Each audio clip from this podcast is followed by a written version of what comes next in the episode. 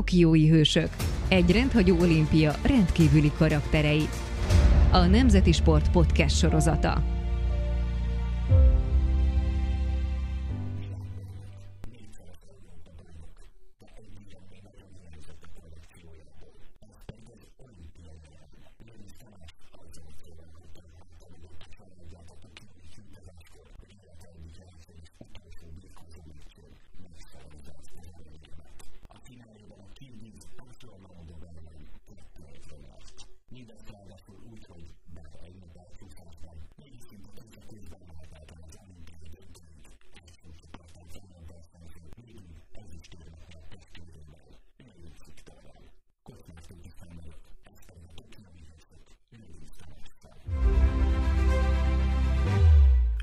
A bírák között volt egy bizonyos Szerkei Kovalenko, Igen. aki 2006-ban egy emlékezetes birkózásban volt az ellenfeled, méghozzá az első felnőtt címed egy Európa bajnoki döntőben. Mennyire lett volna mondjuk keretes a történet, hogy hogyha ő vezeti neked a döntőt? Hát az komoly lett volna, az, az biztos. E, igazából ez így a versenyzésem alatt nem fordult meg a fejembe, hogy a bírókkal nem igazán foglalkoztam, hogy ki fog feljönni, vagy ki ül majd a pontozóba, meg általában én ezzel nem szoktam foglalkozni, de ugye egy jó pár éve már, hogy nemzetközi bíró lett, és több világversenyen is megfordult, és hát mindig nyilván fura volt látni, és valószínűleg meccset is vezetett már nekem. Nemzetközi verseny, tuti világversenyen nem vagyok benne biztos. Nagyon érdekes a mi sztorink, ugyanis régre visszanyúlik, és hát biztos, hogy nem az egyik legszebb emléke vagyok, de igazából szoktunk találkozni, és mindig köszönünk egymásnak illedelmesen, úgyhogy így, így, így kívülről nem látom rajta, hogy haragudna ezért esetleg. Úgyhogy igen, az egy érdekes. És most ugye kim volt az olimpián is, és szerintem ez az első olimpiája volt neki, mint bíró, úgyhogy magasra tör. Jól mutatja, hogy mennyi időt telt el mondjuk 2006 óta. Igen, hogy milyen öreg vagyok, igen, ez jól mutatja. Nem így akartam kifejezni magamat, de 34 évesen azért az ember még rengeteg dologhoz fiatal. Az, az biztos, viszont már rengeteg dologhoz nem annyira, mint például az élsport, de, de valahogy én mindig ilyen későn érő típus voltam, és, és én pont ezért nagyon bíztam még abba, hogy igaz, hogy már nem annyira jellemző ilyen idősen birkozásba komoly sikereket elérni, kivéve a nehéz súlyba, mert ott azért még engem is fölöznek, de tehát éreztem magamon, hogy, hogy ez, még, ez még bennem lehet, és hogy a fiatalokkal még fel tudom venni a versenyt. Az elmúlt évek világverseny is azt tükrözték, hogy van még keresni való itt az elitbe, úgyhogy nagyon bíztam benne, hogy, hogy ez még benne lehet a pályafutásomba. Rögtön úgy indult az egész, hogy nincs ellenfeled, van ellenfeled, végül nincs ellenfeled, koronavírus szólt közben. Ez mennyire jött ki jól vagy rosszul, hogy nem birkoztál igazából? Hát, így utólag visszatekintve mondhatjuk, hogy jól. Hát igen, érdekes volt, mert ugye az utolsó edzésünk, mikor volt a verseny előtt, ugye akkor már meg volt a sorsolás, és szoktam kérni az edzőktől, hogy ne árulják el a sorsolást a verseny előtti este, mert akkor még ugye szeretnék egy, egy nyugodtabb éjszakát, szeretnék egy jót aludni, aztán kipihenten vágni neki a versenyre, meg ugye nekünk a verseny napján van a mérlegelés, úgyhogy még ott a súlyt kell rendezni, meg így is vannak egyéb problémák, nem kell az, hogy én egész éjszaka még fejbe birkozzak az első ellenfelemmel, vagy azt számolgassam, hogy az első után majd a harmadik mérkőzésen ki fog jönni, és akkor ezért úgy szokott lenni, hogy mindig reggel, mikor felkelünk, találkozunk, megindulunk a verseny, és akkor megkérdezem ki az első, mert nagyon furán alakult a helyzet. A Molnár Szabolcs doktor, ugye ő a versenyen, mint hivatalos orvos volt kinn, és ő is odőtt edzés, és egy fél szóval valahogy elhintette, hogy van valami probléma, én akkor visszakérdeztem, hogy milyen probléma, és akkor erre a Sike Bandi egyből, hát, hát nem tudom, hogy mondjam el, vagy most akkor mi van, most tudni akarod, vagy nem akarod, vagy hát mondom, most, hogyha már belekezdtünk, mondom, tusoljuk be, hogy akkor miről van szó, és akkor mondták, hogy két marokkóinak is pozitív lett a Covid tesztje, de azt nem tudják, hogy ez most birkozó, vagy, vagy valószínűleg birkozó, mert nem nagyon láttuk, de attól még nem volt száz százalék, így biztos voltam benne, hogy már kivel kezdek, csak ugye azt nem, hogy meg lesz a mérkőzés, hogy ez a mérlegelésnél derült ki, mikor ugye nem jelent meg. És hát első körben nem annyira örültem neki, ha bár egy kellemetlen figura, de azért mégis tudtam volna magamnak azért nehezebb ellenfelet odarakni első meccsre, szóval azt mondom, hogy ez egy jó első meccs lett volna, kicsit megérezni ott a légkört, bemenni, milyen a terem, csak egy olimpia, jó kezdés lett volna. De hát ez nem választás kérdése, mert nem jelent meg az ember, úgyhogy így a Japánnal volt az első meccs, meccsem, ami azért ott a vége felé érezhető volt, hogy első mérkőzés, mert nagyon elfáradtam, és ott a végén ott volt egy apró hibám is, amit hál' Istennek sikerült megúszni, de onnantól ott jöttem meg az olimpiába a második meccsen. De melyik típus vagy egyébként? Hogy hozod magadat üzemi hőmérsékletre egy nagy verseny előtt? Nem vagyok ez a nagy, nagy zenehallgatós, de nem is tudom, ilyen különösebb rituáléim sincsenek. Hát ugye egy komoly bemelegítéssel szoktunk kezdeni, és az most meg is történt. Ott az egyik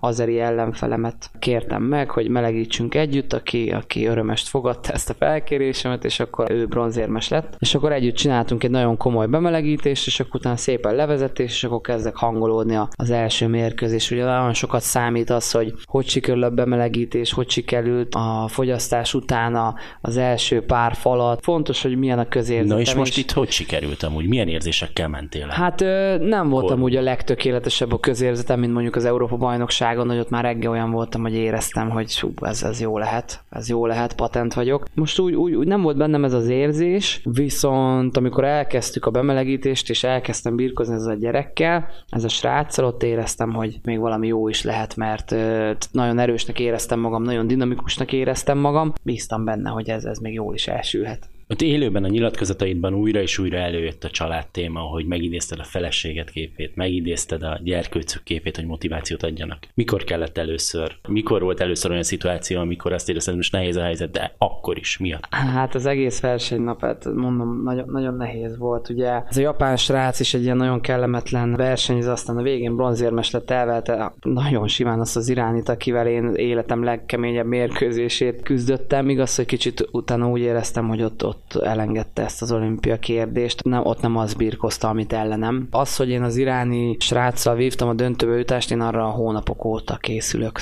Szerintem majdnem egy éve készülök arra a mérkőzésre, mert ugye jött a birkozásba ez a kiemelés, hogy az első négyet a világranglistán kiemelik, és őket külön rakják, és ezt tudtuk már egy évvel hamarabb, hogy egyes a négyessel, kettes a hármassal fog egy ágra kerülni, és én voltam az egyes, az iráni meg a négyes. Úgyhogy én egy éve tudom ezt a mérkőzést, és ez nagyon sokszor sokszor végig szaladt a fejemen. Ilyennek képzelted? Nem, nem ilyennek képzeltem. Nagyon sokféle forgatókönyvet nyilván lejátszottam a fejemben ezzel kapcsolatban, de hát ezt az érzést nyilván nem tudod magadnak lemodellezni, mert ezt senkinek nem kívánom szerintem. Volt három olyan holdpontom, amikor nem tudtam, hogy hogy lesz, hogyan lesz itt a tovább, vagy, vagy hogy fogom ezt túlélni. Ez volt az a birkózásod, hogyha jól emlékszem, ahol már talán 5-1 is volt. 6-1. 6-1. Jött a partenhelyzet. És akkor és... lett belőle 6-5, és visszaküldtek lentre. Úgyhogy az ott, ott nagyon sok minden átszaladt a fejemben. Próbáltam nagyon higgadt maradni, próbáltam tényleg minden ideg szállammal csak a védekezésre koncentrálni, hogy, hogy az nem történhet meg, hogy én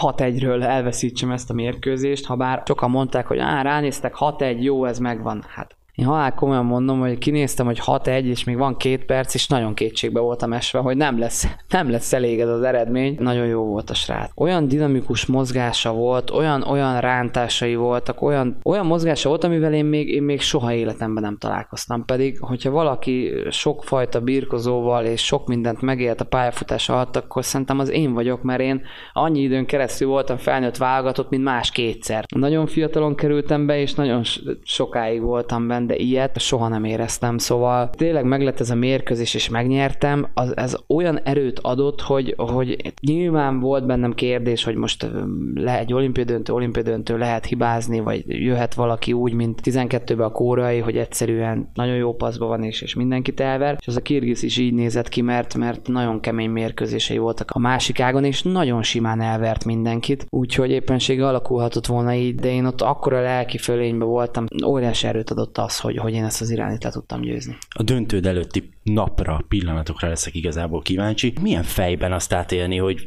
van 20 órám, jön életem legfontosabb birkózása, ezt a helyzetet valahogyan kezelni. Te hogy kezelted? hát filmekkel, agymenőkkel és, és ilyesmivel. Ez a másik kikapcsolódásom a sorozat nézés, és abba is kettőt pörgetek már jó sok éve, és ezer röhög mindenki, és már szerintem mindenkit a halálba kergettem ezzel, hogy agymenők és modern család kifogyhatatlan előről, és mindig újra és újra. Hogy mondjam, nehéz is, meg, meg könnyebb is ez a fajta lebonyolítás. A nehézséget az adja, hogy ugye reggel van a mérés, és küzdő sportban, aki tudja, súlycsoportos sportágakban azért a fogyasztás az mindig jelen van, és azért az nagyon sok energiát felemészt, fejbe sem mindenki alkalmas arra, hogy, hogy végig szenvedjen egy ilyen időszakot, és utána azért tehát küzdeni is kell rá másfél órára, úgyhogy ott nincs arra idő, mint régen, hogy előző nap volt a mérés este hatkor, és ami a csövön kifér, kaja. Na jó, de a nagy öregek meg azt mesélték, hogy akkor meg volt, hogy túlkajálták magukat, de, és akkor másnap meg... Nincs, nem tud túlkajálni magad, mert fetrengsz, meg rosszul vagy, meg, meg teljesen ki vagy, meg se tudsz mozdulni, de az reggelre az, az, az teljesen helyről. Most meg, most meg úgy van, hogy ugye napokig koplalsz, leviszed a súlyod, és igazából megtörténik a mérlegelés, és ehetnél, de nem ehetsz, mert hogyha ugyanaz, hogyha túleszed magad, sokat eszel, kimegy az összes vér belőled, minden a gyomrodba megy, nem tudsz úgy koncentrálni, nem tudsz úgy mozogni, úgyhogy tényleg egy-két falatot és szinte ugyanabba a fogyasztott állapotba vágsz neki a versenynek, és másnap, hogyha döntős vagy, vagy éremér birkozó, ami reméljük, hogy úgy van, másnap megint be kell mérni, szóval nem az van, hogy vége, este, hú, de jó, döntős vagyok, kajapia, és van 20 valány órám, és, és addig megszívom magam, hanem nem, hát reggel még ugyanúgy be kell mérni.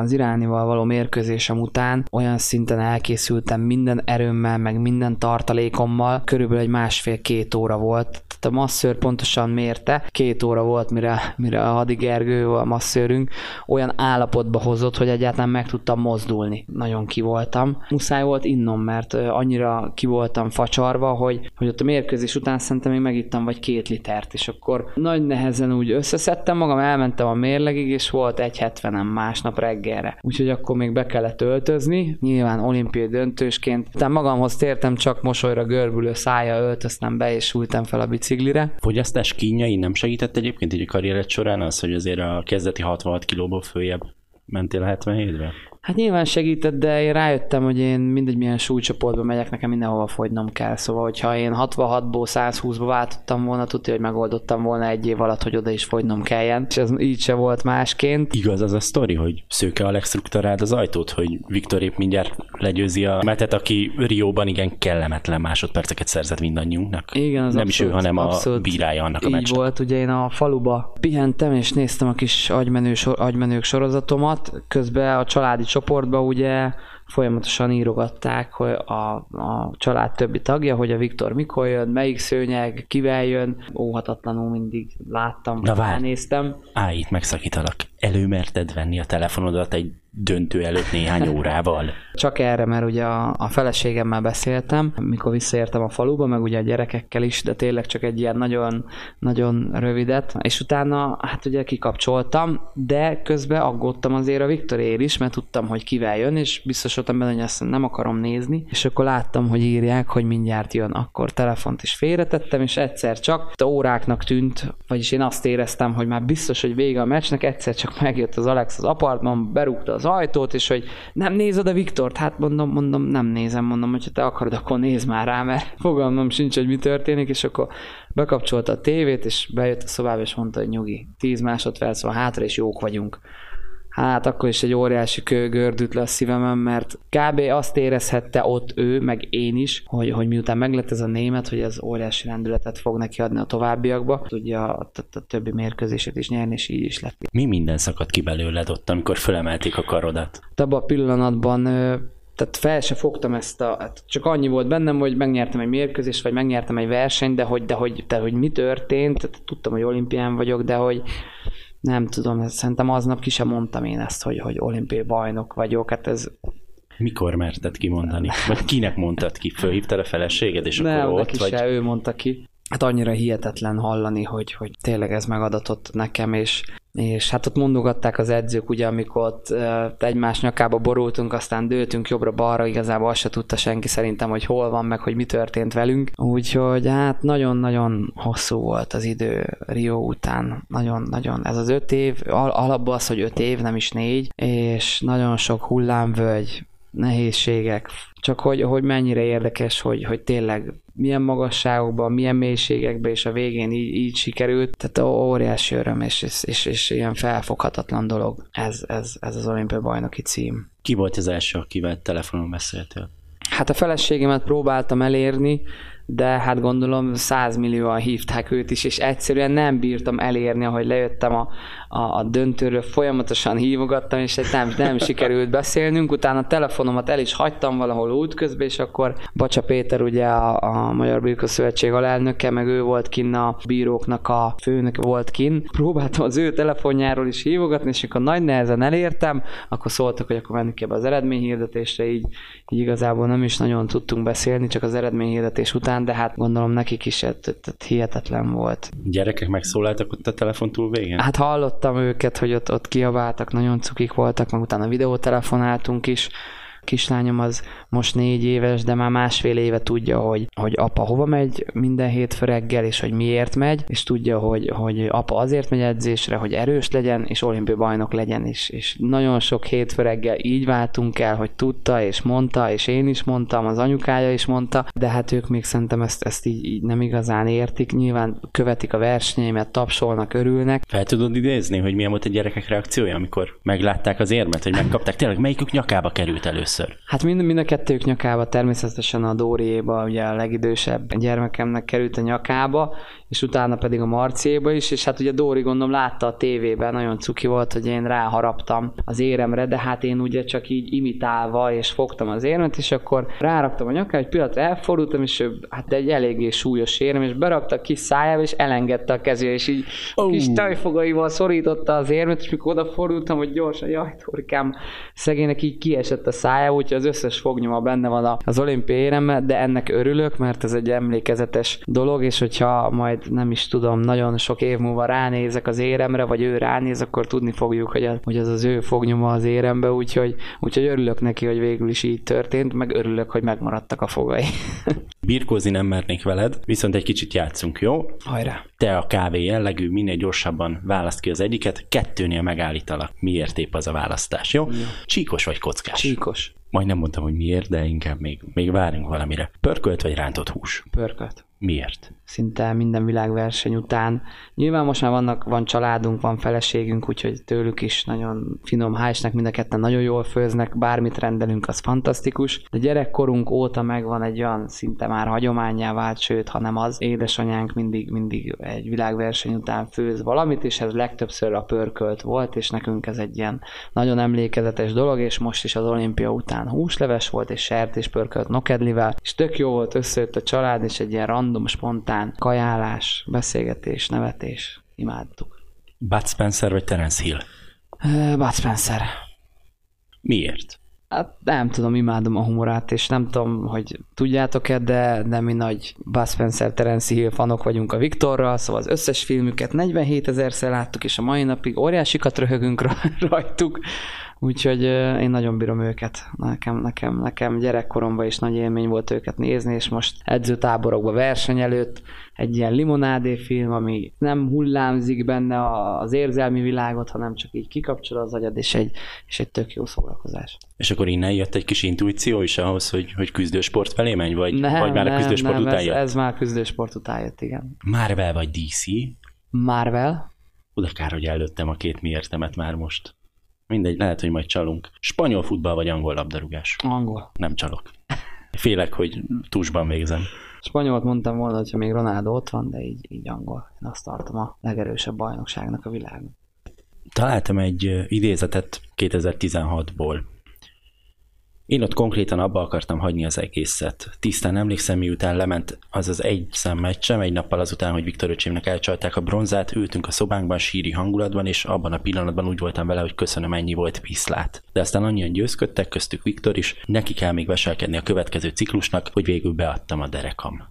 Ez így volt, azt valószínűleg én mondtam egy részét, de ez, ez való, valóban így volt, csak ez már egy sokkal, hogy mondjam, ez már a stilizált változat volt? Igen, valószínűleg igen, mert tehát ott nagyon nehéz, nehéz napokat éltünk ott meg, és az a fura, hogy, hogy, hogy, hogy, hogy engem, engem borzasztóan megviselt, az, most nem akarom mondani, hogy a Viktort nem mert tutira, hát azért megélni, el tudom képzelni, nem is akarom, hogy, hogy, hogy milyen az, hogy, hogy már, már meg, megnyerte azt a bronz mérkőzés szinte, és, és, és az utolsó fél percben megintették, és ezáltal ö, letaszították a dobogóról, tehát nagyon nehéz lehetett ezt, ezt megélni neki, és, és olyan boldog vagyok, hogy végül sikerült az olimpiai érem is, és megvan neki, de, de én valahogy bennem ott sok minden megtört, és, és, és sok minden, amiben addig hittem, amiért csináltam, amiért dolgoztunk, úgy, úgy, úgy valamilyen ilyen semmissé vált, vagy nagyon csalódott voltam, és, és, és nem is akartam ezt az egészet, azokat az embereket, senkit nem akartam látni. Tehát nehéz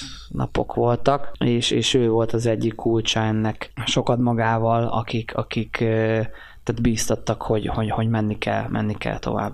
Amikor ennyire kiábrándultnak érzi magát a sportoló, onnan hogy lehet új, új motivációt meríteni? Nyilván egy idő után győzött a birkozás szeretete, amennyire gyűlöltem azokban a napokban, ez azért, ez azért átfordult, és főleg azért is, mert láttam a Viktoron is, hogy akar, tovább akar menni, és, és, és Tokiót meg akarja csinálni, és, és még érmeket akar nyerni. Hát ez, ez nekem erőt adott azért, mert vele történt ez a, ez, a, ez a dolog. Igaz, hogy én nekem se sikerült az álmaimat megvalósítani, és, és nagyon sokat szenvedtem abba az évbe. Ugye 66 kilót kétszer is megcsináltam abba az évbe, úgyhogy hogy ilyen 10-12 kilót fogytam, szóval az, az egy nagyon-nagyon kemény meló volt, és nagyon, nagyon sok, sok volt abba, hogy érmet szerezzek, és még csak a közelébe se tudtam érni, nyilván elkeserítő volt, de, de úgy voltam vele, hogy próbáljuk meg, szóval, hogy voltam vele, hogy, hogy van mögöttem egy, egy, egy szép karrier, sok mindent elértem, vannak érmeim, mindenféle. Én már nem akartam ezt lerombolni azzal, hogy én súlycsoportot váltok, és akkor bábú leszek, vagy, vagy nem tudom azt a teljesítményt hozni, amit elvárok magamtól. Ezért egy évet adtam mindig magamnak, hogy nézzük meg, hogy van-e értelme. És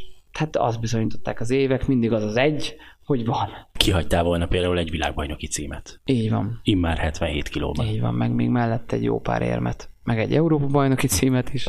21-ben ugye idén Európa bajnok lettem, úgyhogy így utólag azt mondhatom, hogy nem bánom, hogy ez így alakult. A 2006-os EB sikereddel kezdtük. Arra kérnének, hogy picit idézd vissza, hogy, hogy annak a Lőrinc Tamásnak mi járt a fejében ott a 2006-os EB dobogó tetején állva? Nagyon boldog lehettem, mert az egy, mondhatom, hogy, hogy eddig a sikeremig, eddig az olimpiáig, ha megkérdezték azt, hogy, hogy melyik a, a legkedvesebb, vagy számomra melyik az a győzelem, ami a legszebb, kedvesebb győzelmem az a legelső Európa bajnoki cím volt, mert az, az, az annyira váratlan volt, jöttek a mérkőzések egymás után, és, és olyan neveket győztem le, akik számomra rá sem mertem nézni. Szóval én ott 19 évesen, és én, hogy egy, hogy egy Erogluval, nem hogy, hogy elverjem, hanem csak, hogy én felmehetek ellene birkozni, nekem már ez egy óriási megtiszteltetés volt, és, és, és hogy őt le tudtam győzni, hát az meg egyenesen elképesztő volt, és mindenki kapott a fejét, én is, és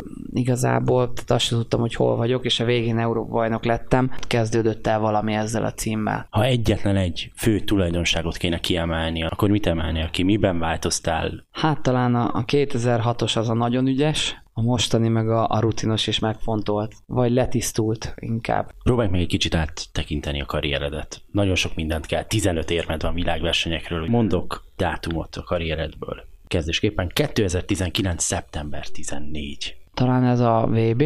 VB arany? Talán.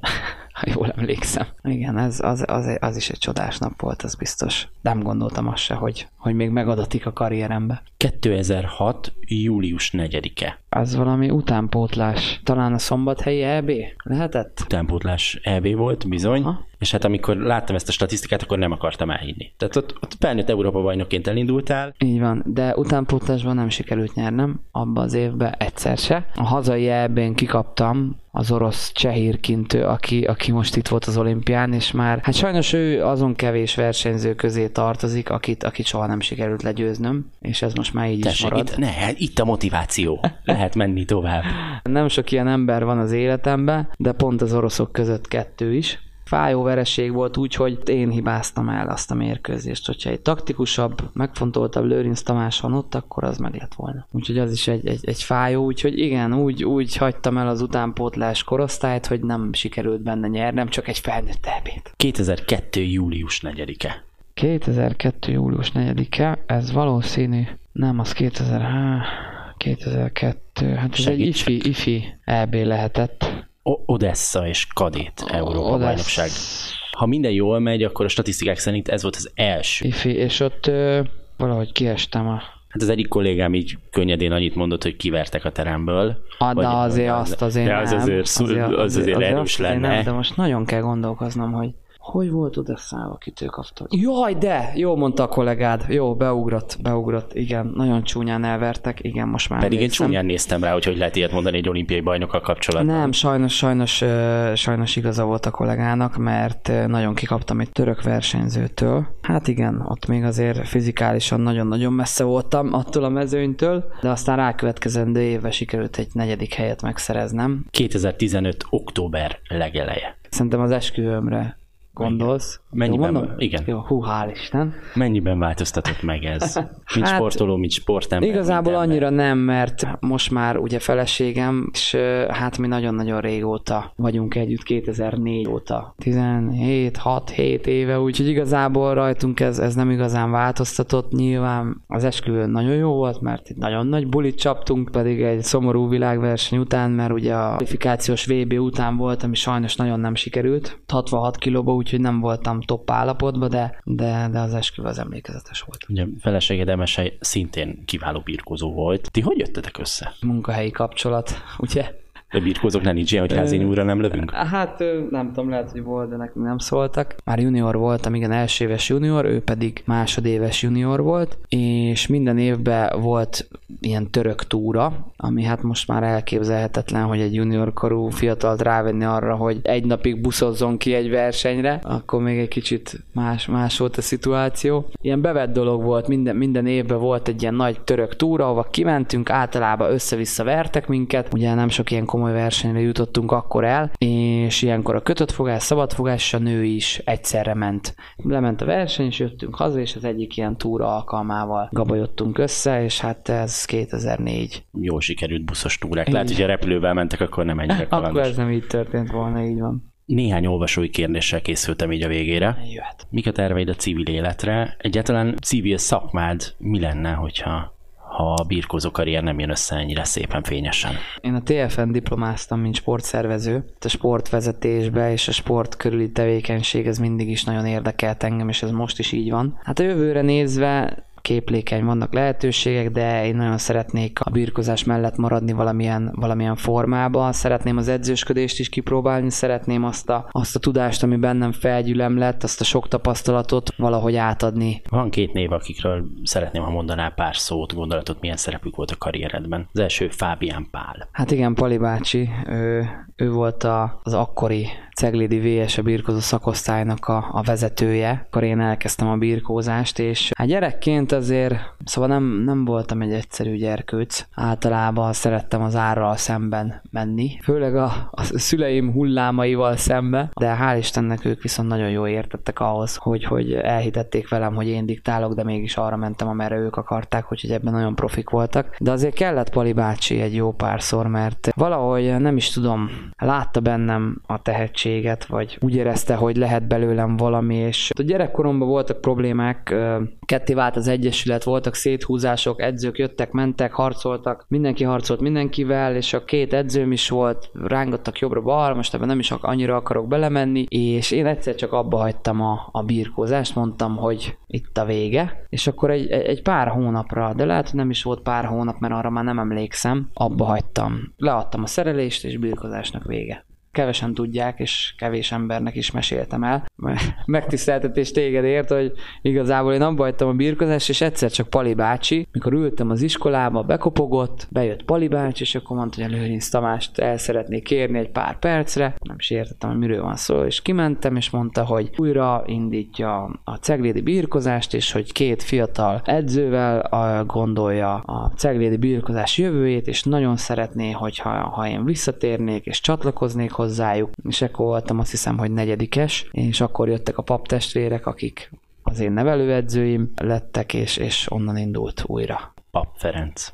Így van, hát őt most már említettük. Pap Ferenc és Pap Attila, ők testvérek, ők jöttek ugye Pali bácsi által, és ők voltak azok, akik, akik újraélesztették a, a Ceglidi Birkozó klubot. Ők toboroztak, és, és nagyon sok gyerek, és, és mikor az első edzésem megjelentek, emlékszem, bementem a terembe, ugye én akkor már két éve birkoztam, és bementem, tehát nem hittem el, mennyi gyerek volt. Tehát rengeteg, és akkor ugye mind kezdő. És hát nem ismertek engem, én is bementem ott a kezdőkkel, és akkor mondták a feladatokat, én megcsináltam, és látták, hogy azt a minden de ügyes ez a gyerek, és akkor jöttek oda, hogy húha, tehát persze nem tudták, hogy én már két éve akkor birkoztam. Tehát onnan indult az ismerettségünk, és, és hát az a kapcsolat, ami most már nem is tudom, 28 éve tart, 27 éve. Ki és mi alapján ragasztotta rád a Szöcsi Pece nevet? Hát ő a legelső edzőm volt, András Lajosnak hívják. Ő volt a, a, a legelső ember, aki, aki megismertette velem a birkozást, és megtanította a leg-leg legelső dolgokra, amiket elsajátítottam a birkozásban, és hát mondom, valószínűleg nagyon eleven lehettem, és eléggé nehéz lehetett lekötni az energiáimat, és valahogy jött neki ez a, ez a becenév, és ezt olyan jó sikerült eltalálni, hogy most már azért 35 éves vagyok, és még a mai napig van, aki csak így hív. De én már nem állok le senkivel vitatkozni, van, aki valakinek még megengedem, hogy így hívjam, valakitől már megkérem.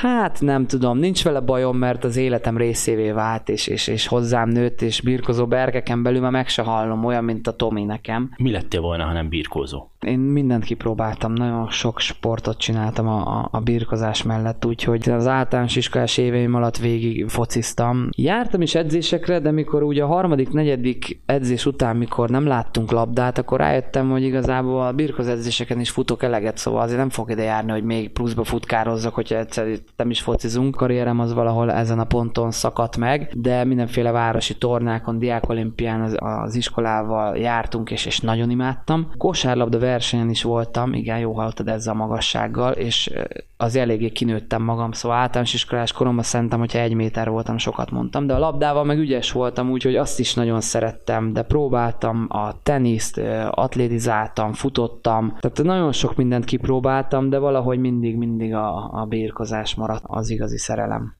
a hétköznapokban milyen mentális vagy fizikai hasznát veszed a küzdősportnak, az élsportnak. Teszem azt megfontolta, hogy egy döntésben hamarabb kiismered az embereket, erősségeket, gyenge pontokat, hogy milyen barkácsolásban, kézügyességet és fizikai erőt is igénylő házkörű dolgokban vagy ügyes vagy ügyesebb Ajaj. talán emiatt. Hát sajnos nem, nem vagyok ügyes. Erről a feleségem sokat tudna mesélni. Az otthoni dolgok megjavításában ez a világ még nem nyílt meg számomra, de talán majd, majd most. Ugye a sport miatt nem is nagyon erőltettem ezeket a dolgokat, nehogy egy plusz sérülés vagy akármit összeszedjek. Igen, talán, talán megfontoltabb lettem a, a, az évek során, és sok, sok minden olyan tapasztalatot szereztem a birkozás által, amit, amit úgy az életben jobban tudok kamatoztatni.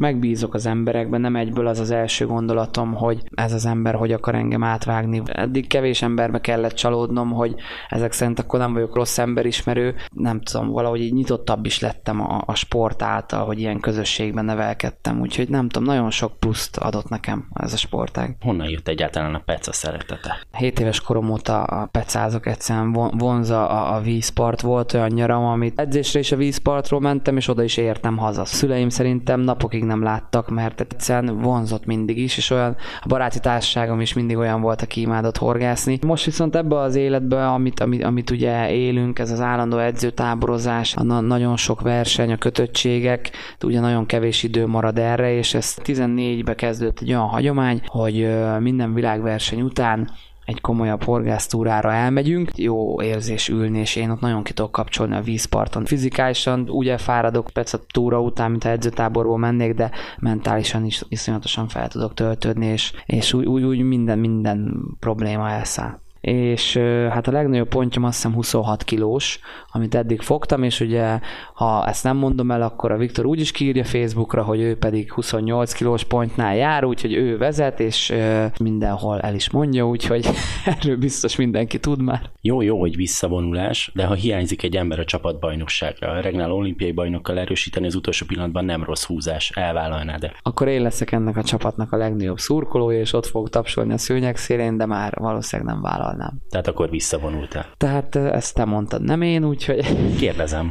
hát igen, valószínűleg ez volt, ez volt az utolsó. Akkor így, hogyha az Versenyem. egész karrieredre visszatekintünk, a piros vagy a kék dreszt szeretted-e jobban? Utolsónak kell mondanom valamit, akkor a piros, amúgy mindig is a kéket, de mivel az olimpián két napig pirosba versenyeztem, és életem legnagyobb sikerét értem el benne, így, így a pirosat választom a végére. Ez volt a Tokiói Hősök, a Nemzeti Sport podcast sorozata.